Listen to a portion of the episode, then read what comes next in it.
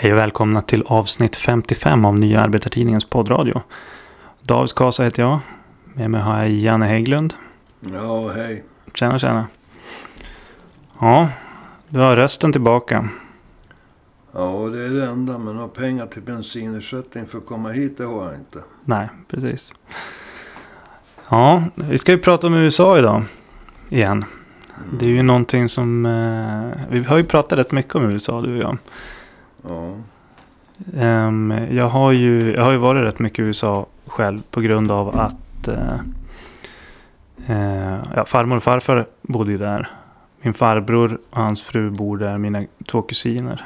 Och uh, ja, farsan växte ju upp där. Så att jag har varit mycket, framförallt i Bostonområdet.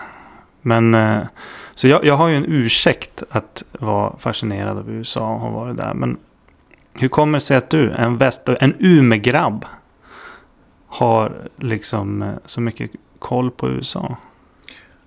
Ja, alltså jag har... fa- eh, hittills har jag rest i USA sex gånger. Och eh, ja, mellan åren 1987 och 2004. Jag har sammanlagt varit i USA någonstans mellan åtta och nio månader. Och jag har farit från öst till väst eller väst till öst fem gånger. Och från nord till syd eller syd till nord tre gånger. Alltså på marken. Mm. Sen har jag blivit lite flygande också. Och jag har träffat bland annat eh, Dr. Betty Shabazz, änkan efter Malcolm X. Brevväxlat med Coretta Scott King. I alla fall fått två brev av henne. Mm. Och hon var änkan efter Martin Luther King. Betty Shabazz har jag alltså träffat på Medgar Evers eh, College i Brooklyn. Mm. Jag har träffat många representanter för den amerikanska fackföreningsrörelsen. Bland annat Tony Mazzocchi som jag lärde mig enormt mycket av. Han var ledare för Oil, Chemical and Atomic Workers Union. Jag har Mm. också träffat folk på marken. Baton Rouge. De vann en lockout på fem och ett halvt år. Jag träffade National Union of Mine Workers. Strax efter de hade haft en 13 månader lång strejk. Som var, mer var ett inbördeskrig än Mm. ett strejk. Med döda på båda sidor. Strejkbrytare och gruvarbetare. Så det är många, jag har fått höra väldigt många gånger att jag är mycket mer berest i USA, säger många amerikaner jag träffar, Mm. än eh, dem. Därför att de, de flesta amerikaner är väldigt knutna till sin så att säga, lokala ort. Jo. Ja, de lämnar sällan delstaten. Ja, Mm, det, faktiskt. men, men alltså, det, det är på något sätt... Ja, naturligtvis i grunden så, så har jag varit turist. Men före resan 1990 så skrev jag 35 brev till olika representanter för det politiska USA. För det fackliga USA. Medborgarrättskämpar idag. Men också på den tiden då Martin Luther King och Malcolm X levde. Alltså på 60-talet. Jag har gjort otaliga intervjuer eh, med folk. Jag tänkte skriva en bok tillsammans med min dåvarande sambo. Ett projekt som rann ut eh, i intet. Därför att när jag kom tillbaka 1990 så började diskussionen om vi skulle ställa upp i, i eh, val. Mm. Och, men jag har allt detta material kvar. Och jag skulle, för att avsluta det här inledande uppvärmningen. Va? I fjol, 2019, så var det meningen att vi skulle fara till USA igen. Men eh, vi var inte riktigt redo, jag och, och min fru, att, att åka. Det, det, man måste förbereda sig mentalt lite grann för att få ut någonting av det. Och det var hennes första resa så att jag ville inte som pressa fram det. Utan jag ville att vi båda två skulle få ut lika mycket av det. Men hon har ju en bror som bor på västkusten utanför Portland. Och han kommer ju hälsa på oss med mycket av den amerikanska attityden. Så att man kan säga att för mig så, så började förberedelserna för min första resa till USA 1900. Alltså resan var 1987. Men förberedelserna ekonomiskt, alltså att samla, spara pengar, politiskt, att, att skriva breven. Praktiskt liksom att, eh, ja man måste ju få, på den tiden var det visa som gällde va. Och så skicka in sina pass till amerikanska ambassaden. De gjorde en background check och så får man ett visa eller också inte. Mm. Och vissa resor de tar aldrig slut. Även om man, när man kommer hem så, så, så börjar man planera bara för nästa resa. Och så var det från 85 till 2004. Och sen så hade jag ett annat resmål, fy, fyra resor till Kina. Men nu så har jag börjat planera nästa USA-resa. Så att det är liksom ett livslångt intresse kan man säga. Mm. Jo, det finns ju... Därför att, därför att uh, USA är mer uh, än den sittande presidenten, vem det nu är. Och en aggressiv utrikespolitik. USA år 1987 hade 248 miljoner människor. Och nu är det väl kanske 320 miljoner. Det, det, är, alltså det finns många i USA. 330. Nej, men det, det, finns ju långt mer. Så man, man tycker ibland att, att eh, ser man på tv i Sverige eller följer man amerikanska tv-serier och filmer som kommer till Sverige. Då ser man ju väldigt lite. Det finns så mycket mer av USA än bara det som man får via media och nöjen och sånt där. Ja, New York är lika representativt för USA som Umeå är för Norrland. Ja. Det vill säga inte alls. Precis. Ja, nej men vi ska väl gå in på presidentvalet då. Eh, det var ju faktiskt, hörde igår kväll, om det var i morse, så har de ju räknat klart nu. Eh, Biden, han kommer få 306 elektorer. Trump kommer att få 232. Eh, och eh, ja, den första frågan jag har egentligen det är alltså, kan man säga att det är klart nu? Eller finns det några juridiska tricks som eh, Trump kan ta till? Nej, det gör det inte. Utan det är klart. Och eh, den 20 januari så kommer den nya presidenten Joe Biden och hans eh, vicepresident Kamala Harris att sväras in. That's it. Eh, vi pratade ju om det här förra veckan. Att eh, Trump har ju, dels har han bedrivit en del rättsliga processer. Men han har kom, också kommit med väldigt allvarliga anklagelser om att ja, valfusk och, och, och liknande. Om vi bara kan repetera. Vilka faror finns det med att en sittande president går ut med den här typen av anklagelser? Alltså vad innehållet i Trump, vad han säger. Det är oerhört allvarligt. Speciellt allvarligt blir det mot bakgrund av att Trump har alltså fått i absoluta tal, inte i procent, men i absoluta tal, det näst högsta antalet väljare i USAs historia. Mm. När alla röster är klarräknade så kommer han att ligga någonstans mellan 74 och 75 miljoner väljare. Eh, I, i, idag, eller senaste noteringen, då hade han drygt 72 miljoner. Och Biden hade väl kanske 76. Eh, Trump hade i alla fall eh, eh 90, 90, eh, om det var till 93 procent. Om man räknar liksom på det sätt som vi gör. 93 procent av Bidens väljare.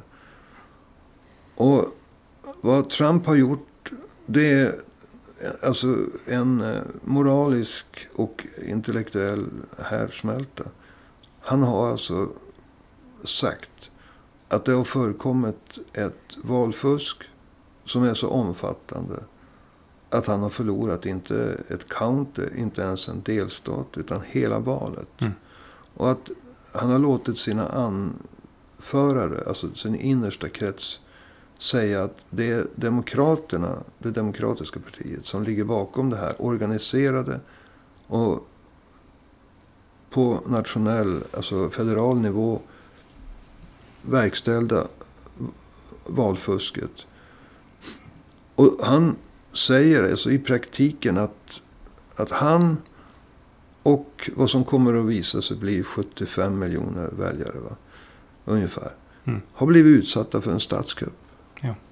Och när man får så många väljare som han. Varav några få är ganska extrema. Så då så tar man på sig ett moraliskt ansvar. För att det kommer att bli våld på gatorna. Trump kommer inte att kunna stoppa överföringen av makt. Den kommer att gå till precis som den är tänkt. Det finns vissa centrala datum. Det finns ingen anledning att gå in på alla dem. Men den 20 januari så kommer Joe Biden och Kamala Harris att sväras in. Mm. Och det finns vissa viktiga datum på vägen dit. Elektorerna, som ju formellt är de som väljer presidenten, kommer att samlas eh, vid två tillfällen tror jag. Och eh, nej, vid ett tillfälle. Och sen kommer kongressens båda kamrar, senaten och representanthuset att samlas. Mm. Och sen så svärs de in den 20 januari. Men den här processen kommer hans eh, försök till att eh, ja, tala om valfusk. Det, det kommer att studsa tillbaka på honom själv. Och Jo. Han kommer att framstå som den mest ovärdiga. Den, den, alltså, hans avgång kommer att vara den mest ovärdiga eh, uppvisning. Alltså mest pinsamma, ovärdiga. Sen Richard Nixon Mm. tvingades bort för 46 år sedan. På grund av sin inblandning i Watergate. Jo, Och han hade gått bakom ryggen på kongressen och utvidgat kriget från Vietnam till att även omfatta Kambodja. Det har inte Trump gjort. Trump har inte gjort samma saker som Richard Nixon. Det, det, finns, det, det jag menar det är att båda kommer att avgå på ett väldigt ovärdigt sätt. Trump har inte gjort sådana grova kriminella saker som Richard Nixon. As Nej. far as we know. Nej, det vet man ju aldrig. Men, men eh, in, inte, ingenting som har tvingats honom att avgå. Han blir frikänd från det de har anklagat honom för. Så Ja. Men det som är så farligt, det är att... Och, och det som eh, väldigt många svenska och amerikanska och övriga världens kommentatorer på något sätt verkar försöka glömma. Det är alltså Trump har... Ja, det kommer att sluta med ungefär 75 miljoner väljare. Mm. Och de lyssnar på de här anklagelserna. Jo, och det är ju det som är farligt. Och det kan förvandla det här till en mardröm. Det är ju många nu som... Eh, Alltså på något sätt så har han tagit USA som gisslan. jo, precis. Samtidigt, det är ju många nu som gläds åt att Biden har, har vunnit. Vi, vi läste någon eh, liberal skribent här i, en Ja. Västerbottens tidning. Jo, vi ska inte tänka så mycket med innehållet det. Men alltså hon uttryckte det. Just den här glädjen bland många som tänker att nu är det slut på Trump. Nu går vi tillbaka till det normala. Nu kan USA leda och styra världen. Men alltså bara det faktum att Trump inte vann det här presidentvalet. Innebär det att Trumpismen som rörelse är död? Eller kan den leva vidare?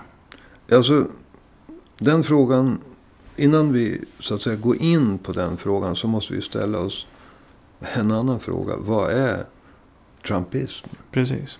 Alltså folk pratar om Trumpism och utan att liksom definiera vad det är.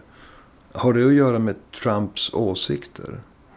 Eller finns det någon djupare rörelse bakom? Och alltså Steve Bannon. En person som har spelat en enormt avgörande roll för att Trumps kaotiska och inte alls så framgångsrika kandidatur. Han hade ju gått till final Om man får uttrycka sig med Mm. detta eländiga sportvokabulär. Mot eh, Hillary Clinton. Men han låg ju hopplöst, trodde man, efter. Då fick Steve Bannon tag i hans eh, kaotiska, så att säga, kampanj. Sommaren 2016. Och Steve Bannon, jag vill bara ge honom lite cred för att han inte är någon dumskalle. Va? Även om jag inte delar hans uppfattningar.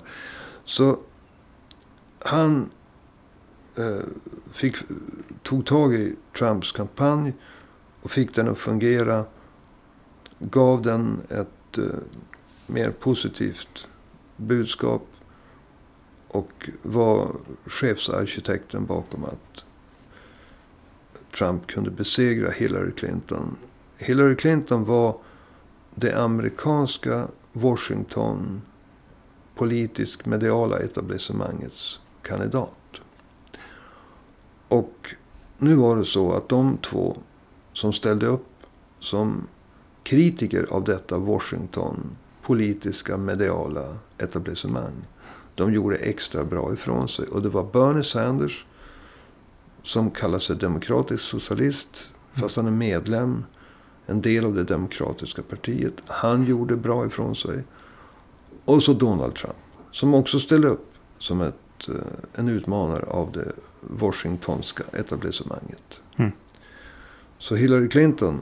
Hon var alltså personifierade detta etablissemang.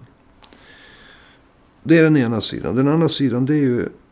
Och där vill jag citera Steve Bannon. Han sa nu angående de tidiga prognoserna. För, för de tidiga prognoserna de sa ju att Joe Biden skulle vinna a landslide victory. Alltså en, en, en jordskredsseger. Jo, Han ledde ju väldigt stort. Ja. Och Bannon sa, eh, han varnade för den tron. Han sa, kom ihåg. Det här handlar inte om höger mot vänster. Det här handlar om globalism mot nationalism. Mm. Och Trumpismen. Det är en del av den reaktion som finns mot att de, den dominerande delen av borgerligheten internationellt. Alltså, jag menar de, de ekonomiska maktcentra, de politiska maktcentra, de militära maktcentra, de mediala maktcentra. De har rusat in i en, en eh, global världsordning i en helt annan utsträckning än tidigare. Och det är mot den bakgrunden som vi också måste se de signaler som man får höra i EU. EU började som att det skulle vara fri rörlighet av varor, tjänster, arbetskraft, kapital. Det var inte fråga om denna enorma överbyggnad med en byråkrati som lägger sig i länders budgetar, som ska ta ut egna skatter, ska ha en egen armé, Eh, egen centralbank och så vidare. och så vidare. Hela detta enorma byråkratiska överbyggnad som syftar till ett Europas förenta stater. Som kan, bara kan byggas på ruinerna av de gamla nationalstaterna.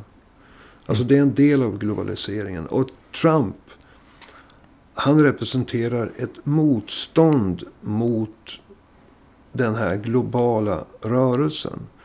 Och den finns i en rad länder. Motståndet mot globalismen. En del är emot globalismens effekter utan att förstå att det är en global världsordning som håller på att skapas. Och, och den här, den här den, för, för, bara mm. avsluta. Den här globala, motståndet mot den här globala världsordningen. Den tar sig olika uttryck i olika länder. Och Trump har fått ge ansikte åt motståndet mot den här globala världsordningen i USA. Mm. Så att innan vi eh, definierar vad trumpism är så måste vi definiera liksom det, det grundläggande. Alltså det är som Steve Bannon säger. Och här instämmer jag helt. Det handlar inte om höger mot vänster. Utan om globalism mot nationalism. Mm. Jo, jag tänkte vi måste uppehålla oss här innan vi går in på, på det du avslutade med. Alltså vad, vad, in, vad innehåller den här antiglobala rörelsen i USA? Så om vi kan uppehålla oss kring globalism och globalisering. Vad innebär det egentligen? För det, ja. det är ett sånt begrepp som många slänger sig med ja, idag. Visst. Det, det är hemskt, höll jag säga. Hur folk tar till sig enormt, eh, vad heter det, avancerade begrepp utan att förstå dem. Nej men, alltså det handlar ju om att Alltså vi har haft imperier tidigare. Mm. Det brittiska till exempel. Solen går aldrig ner i The Empire. Men nu har vi alltså en rad gigantiska företag. Vars omsättning, alltså inkomster och utgifter, är större än många länders BNP. Det kan gälla banker. Det kan gälla hedgefonder. Det kan gälla IT-företag. Låt mig nämna några exempel. Banken JP Morgan Chase Company bedriver en verksamhet i uppåt 60 länder. Hedgefonden Bridgewater Associates förvaltar värden av olika art som motsvarar 138 miljarder dollar. Ta det gånger 10 och man får ett ungefärligt mått. Det gamla bilmärket Ford ligger fortfarande på 31 plats i världen vad gäller företagens storlek räknat på omsättningen. Inkomster och utgifter. Och när det gäller företaget Amazon som bland annat sysslar med e-handel så hade Amazon en omsättning på 280 drygt miljarder dollar i fjol. Och det är alltså större än både en, en Finlands BNP och det är större än Tjeckiens BNP. Mm. Och det här, alltså att vi har en blandning nu av gigantiska stater med militärmakt och företag som alla, både, både stater, grupper av stater som EU och gigantiska företag. Som alla är aktörer över hela jorden. Alltså globala aktörer. Som ibland står mot varandra och som ibland står med varandra. De har det gemensamt att de inte vill att några gamla gränser, några gamla kollektivavtal för anställda, någon gammal arbetsrättslig lagstiftning Allting sånt ska bort. Och de har definitivt ingenting emot folkomflyttningar heller. Nej. Utan när det gäller eh, eh, ekonomi, militär styrka, utrikespolitik. Så vill de här globala aktörerna. Och, och kom ihåg nu att det är både stater med militär makt och gigantiska företag i en komplicerad väv som vill ha tillgång. Det, det låter ju coolare att säga access. Till alla råvaror. Till alla, liksom all typ av arbetskraft. Mm. Som kunna, vill kunna röra sig fritt. Och det finns bara egentligen en enda begränsande sak. Och det är den starkaste vinner. Alltså det finns inga globala kollektivavtal som skyddar löntagarna. Nej. Det finns ingen global miljöskyddslagstiftning. Parisavtalet är ju frivilligt. Alltså här, det har ju Trump visat. Ja. Utan det här är en, en sorts världsordning som bryter sönder all gammal trygghet. Och det, det skapar ett motstånd. Sen är det frågan om hur kommer det motståndet att ta sig uttryck. kommer det att bli ett nationalistiskt motstånd i den bemärkelsen att man hatar utlänningar. Eller att man blir främlingsfientlig. Eller kommer det att bli ett motstånd med, om, om vi tar vad gamle Marx sa. Proletärer i alla länder förenan eder. Alltså fackföreningar. Eh, för att översätta det till ett mer modernt tänkande. Mm. Kan, vi, kan vi få till stånd eh, nationell, alltså kollektivavtal som alltså gränsöverskridande kollektivavtal. Mm. Som gäller alla EUs länder. Eller kan vi till och med åstadkomma kollektivavtal på båda sidor av Atlanten. Alltså både i Europa och i USA. Alltså vi måste ju naturligtvis, vi kan inte vara emot internationell handel. Det, det är en absurditet. Mm. Men frågan är, kan de här globala aktörerna i form av stater och företag balanseras till exempel av de demokratiskt valda instanserna som parlament. Kan de balanseras av in, gränsöverskridande kollektivavtal. Inte bara mellan Europas länder utan på, kan, kan man tänka sig att en, europeiska, en europeisk fackföreningsrörelse och en amerikansk fackföreningsrörelse kan ha ett kollektivavtal som gäller båda sidor av Atlanten. Ja, det är en möjlighet. Den andra möjligheten den är att en annan del av det borgerliga etablissemanget. Alltså som inte är för den här hämningslösa, för den, den är hämningslös. Mm. Den här globalismen. Tar hand om motståndet. Och det har ju tyvärr blivit det senare. Mm. Alltså de som står för det antiglobala. Det har varit sådana som Marine Le Pen och hennes nationell samling i Frankrike.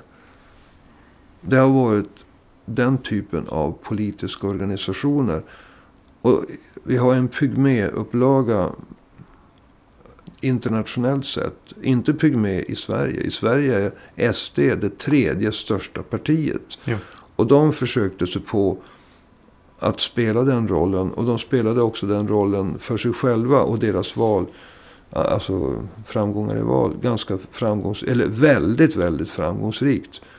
Men de kommer att sälja ut sitt globala sitt motstånd för att så att säga komma in i värmen med Moderaterna och Kristdemokraterna. Så att de är inte direkt pålitliga. Men det, min poäng är att som Steve Bannon sa. För att gå tillbaka till honom. Det handlar om globalism mot nationalism. Mm. Och den här nationalismen eller antiglobalismen tar sig olika uttryck i olika länder. Marine Le Pen och hennes nationell samling i Frankrike. Jimmy Åkesson under en period. Jimmy Åkesson och SD i Sverige. Och i USA så kom Donald Trump att tillsammans med en rad specifika faktorer som har just med USA som, som, som ju är ett speciellt land på grund av dess historia.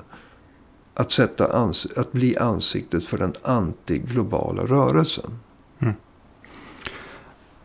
Eh, ja, USA är ju väldigt olikt Europa.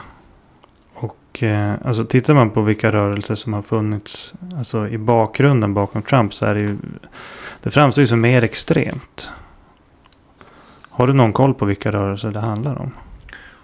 Ja, men jag vill säga tre saker som skiljer USA generellt från Europa. Och den första, jag är ju demokratisk socialist.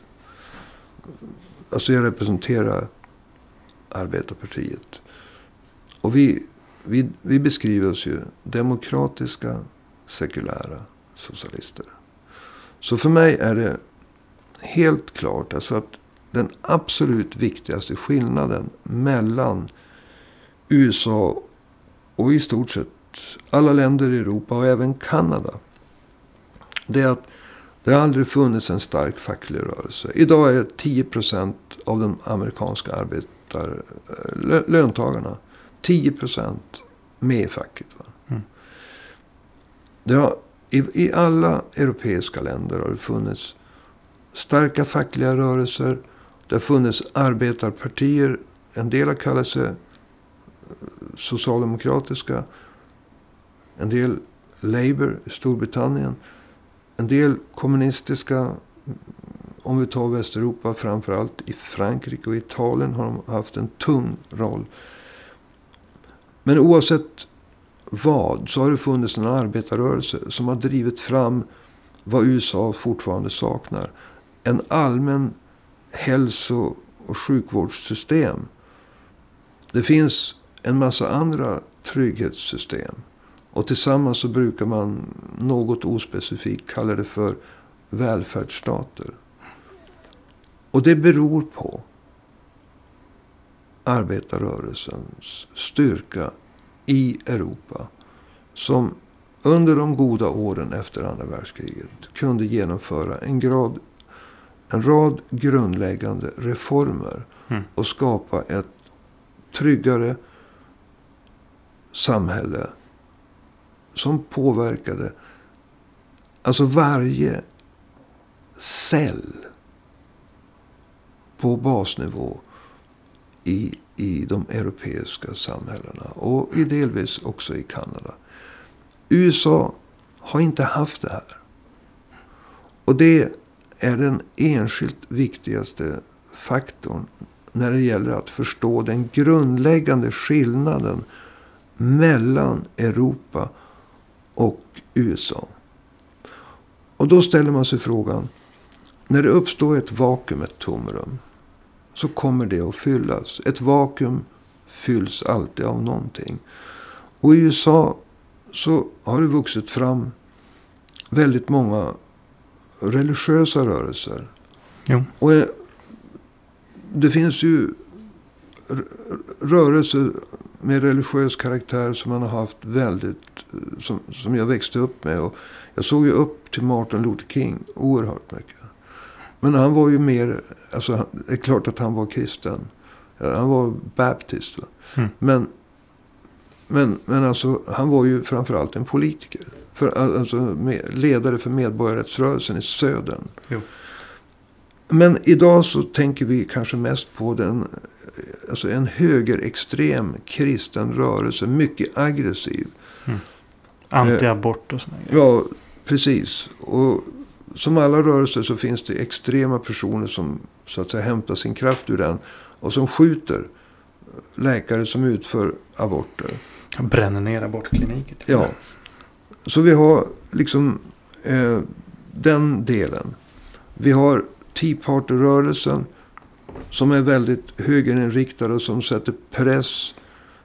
I praktiken så var varje, jag menar, låt oss säga inför valrörelsen 2016 så kunde Tea Party-rörelsen i stort sett tvinga varje republikansk kandidat att ja, de, de genomförde i praktiken hearings Mm. för att få fram de mest högerinriktade, de mest, de, de mest tydliga abortföreståndarna eller motståndarna. Mm. Alltså vi hade Tea Party-rörelsen. Vi, vi har det som på um, amerikanska, amerikanska engelska kallas white supremacists. Mm. Alltså rasister, rasbiologer. Alltså som graderar människor. De är inte bara mot Mm. främlingar så att säga. De, de graderar vit ras. Som ju är ett ovetenskapligt begrepp. Mm. Står högre än. Och så kommer andra raser. Och vi har till exempel National Rifles Association. Mm. Alltså en rad extrema rörelser. Som alla har liksom samlats under en hatt. Under Trumps hatt. Mm. Och Trump har fått ge ansikte åt det här.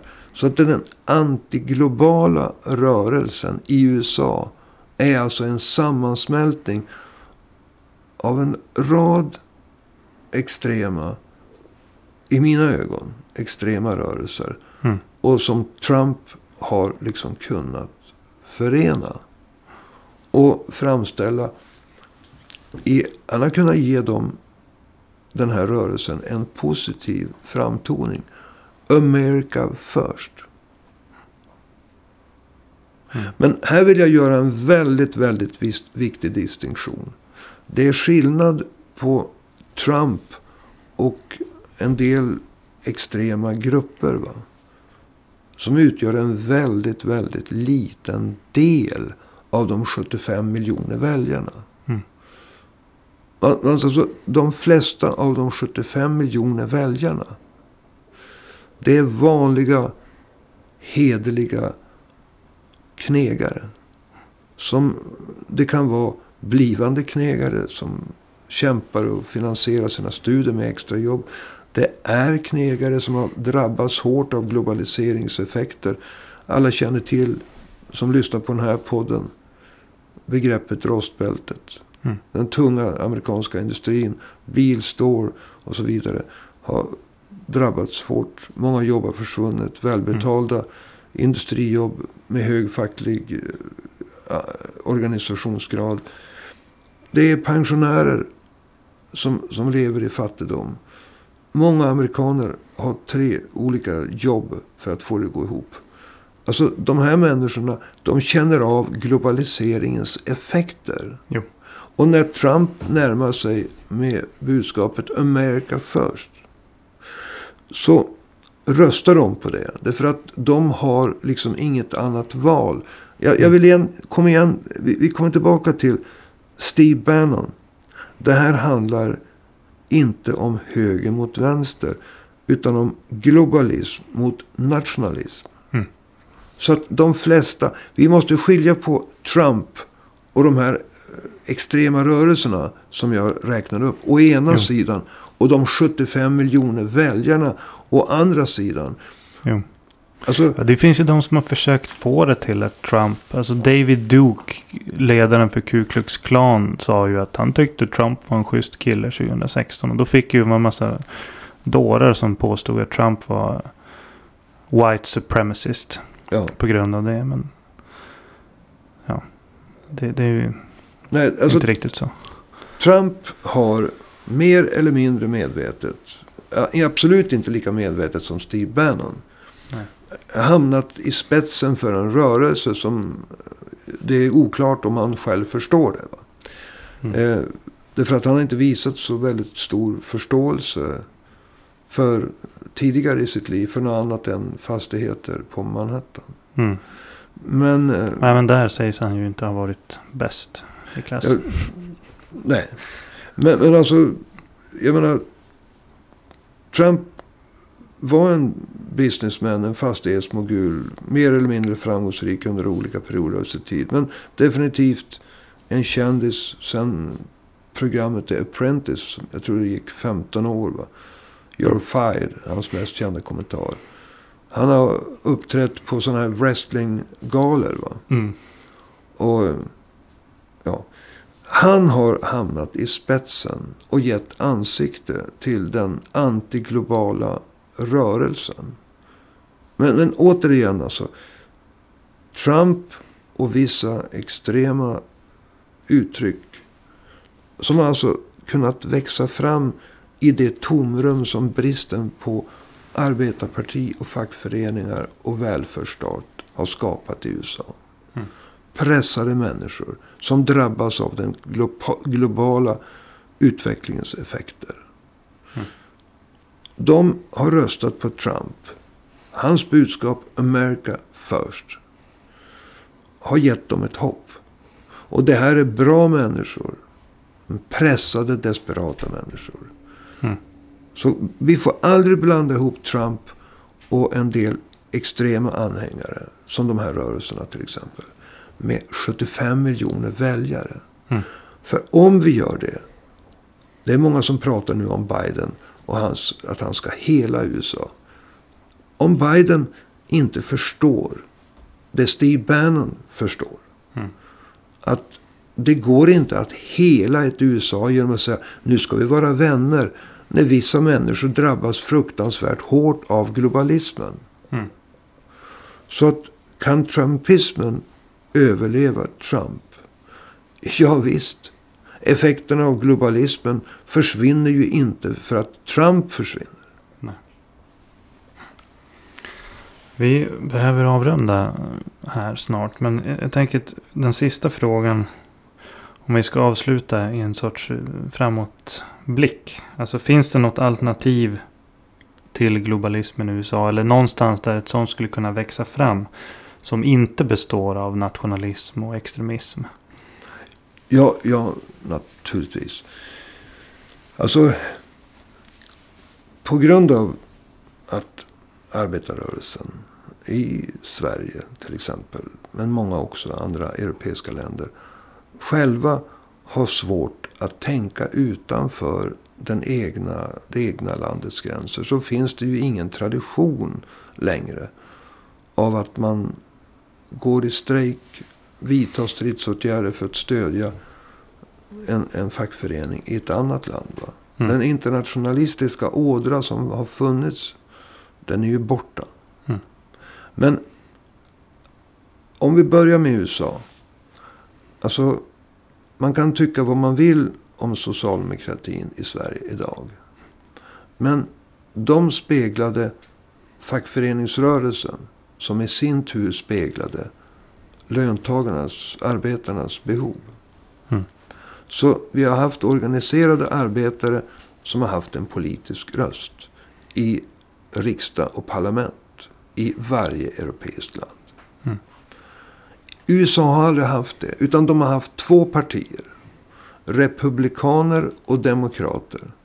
Som båda speglar arbetsgivarna, företagarnas röst. På olika sätt. Inom det republikanska partiet har det funnits en liksom, trend en del har tittat ut över världen. En del har varit liksom... Ja, man, man ska hålla sig till USA. Va? Mm. Alltså den, den, här isolationistiska trenden som alltid har funnits i den amerikanska politiken. Mm. Och Demokraterna har, har väl varit mindre drabbade av isolationism och mer tittat utåt. Men de har också haft liksom den knytning som har behövts för dem när det är val till fackföreningarna. Men det amerikanska samhället har aldrig haft ett parti som har varit baserat på fackföreningsrörelsen. Som har hämtat kraft ur den och som har gett den stadga. Det viktigaste steget i USA som, som är en förutsättning för ett alternativ till en nationalistiskt motstånd mot globalismen. Det är att det bildas ett arbetarparti. Som, och Bernie Sanders som hade miljoner anhängare. Mm. Bernie Sanders som hade haft större chans att besegra Trump 2016 än Hillary Clinton enligt vissa mätningar. Har nu chansen att bryta med det demokratiska partiet och utropa ett amerikanskt arbetarparti. Det skulle i sin tur stärka den amerikanska fackföreningsrörelsen. De skulle kunna dra nytta av varandra och skapa ett parti som lyssnar på löntagarna på ett sätt som det aldrig har funnits i USA. Demokraterna, de, vill, de demokratiska presidentkandidaterna vill gärna fotografera sig tillsammans med fackliga ledare när det är val. Men det vill också Trump. Och det mm. lyckades Trump med. Mm. Så att vi måste... Alltså, det måste bildas ett arbetarparti och en arbetarrörelse. Alltså ett arbetarparti som lyssnar på facket och som stärker facket. Därför att facket idag är väldigt svårt och ett offer egentligen för både demokrater och republikaner. Mm. Och det andra steget det är ju att vi måste få till stånd gränsöverskridande gränsöverskridande kollektivavtal inom EU-länderna. Men också på båda sidor av Atlanten. Så att inte företagen kan spela ut löntagarna i olika länder mot varandra. Alltså vi måste ha ett transatlantiskt kollektivavtal. Va? Mm. Och partier som förstår värdet av det. Mm. Och det han, USA är det väl kanske framförallt USA och Mexiko. ja, Där det skulle behövas. alltså sj- självklart. Mm. Kanada, USA, Mexiko. Mm. Men om vi tar Oil Chemical and Atomic Workers Union. Om vi tar, om vi tar det amerikanska LO, AFL, CIO. Mm. Så, så är de alltså internationals. I, i, de, de, de har alltså den outlook. Alltså att Jo. vi är för Kanada, vi är för USA, vi är för Mexiko. Men de måste så att säga omsätta det i praktisk handling. Men Mm. nästa steg är att det måste vara transatlantiska förbindelser. Det är för företag som bedriver verksamhet i 60 länder som jag pratade om. JP Morgan, Chase Company. De lägger ungefär 100 år före facket när det Mm. gäller internationella kontakter. När det, gäller att vara en global rörelse. Jo. Fa- facket, eh, även i länder som har en stark facklig rörelse, en- lång tradition av arbetarrörelse. De ligger 100 år efter. Men alltså, för att avrunda. Ett amerikanskt arbetarparti. Bernie Sanders är mannen som kan skapa det. Han kan skapa det nu. Det är inte eh, ett långsiktigt projekt. enda Bernie Sanders behöver göra är att ta alla sina anhängare och tillsammans utlysa en konferens och utropa ett amerikanskt arbetarparti. Och det partiet skulle få miljon, miljoner, 10 miljoner Mm. röster direkt i midterm elections om två år. Och det skulle ju dessutom kunna vila på att det har ju varit en sorts facklig återfödelse i USA. Framförallt den här rörelsen, över 20 miljoner fast food workers, retail workers. Som kämpar för 15 dollar i timmen i minimilön. Ja, det, det, har funnits, det finns någonting att bygga på. Ja. Och, och Bernie Sanders framgångar i två val, 2016 2020, visar att han har deras öra och de har hans. Mm. Så det här är inga, så att säga, liksom Vilda spekulationer. vil, vi- vilda framtids... eh, saker som, som kan hända om 50 år. Det här kan hända nu. Mm. Allting som behövs är att Bernie Sanders visar the guts to do it. Precis. Ja, vi får avsluta där för idag. Ja. Det var väldigt eh, intressant det här. Du kan få en femma för bensin att ta med hem. En femma för bensin, alltså vadå, bor du 200 meter härifrån eller? Ja. ja, det är faktiskt mer. Det är 400. Ja, precis. Det. Ja, det räcker väl fem spänn till. Du kan få en femma. Ja, bra. Och eh, några som också skulle kunna få en femma. Det är ett genombrott i de fackliga förhandlingarna. jo, precis. I'm feeling generous today. Mm. Nej, men du som lyssnar. Eh, om du tycker att gärna ska få en femma eller kanske lite till. Eh, då får du gärna swisha till oss. Eh, vi har ju fått in en del swishbidrag på sistone. Jag ska se till att i nästa avsnitt så ska vi läsa upp eh, lite swishbidrag. Vi fick en, en vår första kommentar till ett swishbidrag. Det var ju faktiskt. väldigt intressant för de är ju kopplade till arvodesfrågan. Jo, precis. Nej, men det, det var någon, en, en väldigt Det rolig har inte jag fått reda på. kommentar eh, på ett eh, swishbidrag. Som vi fick här. Det var Ja, någonting man- om eh, Guds rike och begränsad stat. Jag minns inte exakt hur formuleringen var. Vi ska läsa upp den nästa vecka. Det var, det var en del swishbidrag som hade kommit in som måste få cred helt enkelt. Ja. Nåväl. Du som vill stötta oss med en slant. Swishnumret är 123 504 7105. Alltså 123 504 7105. Finns inget bidrag som är för litet och inget bidrag som är för stort.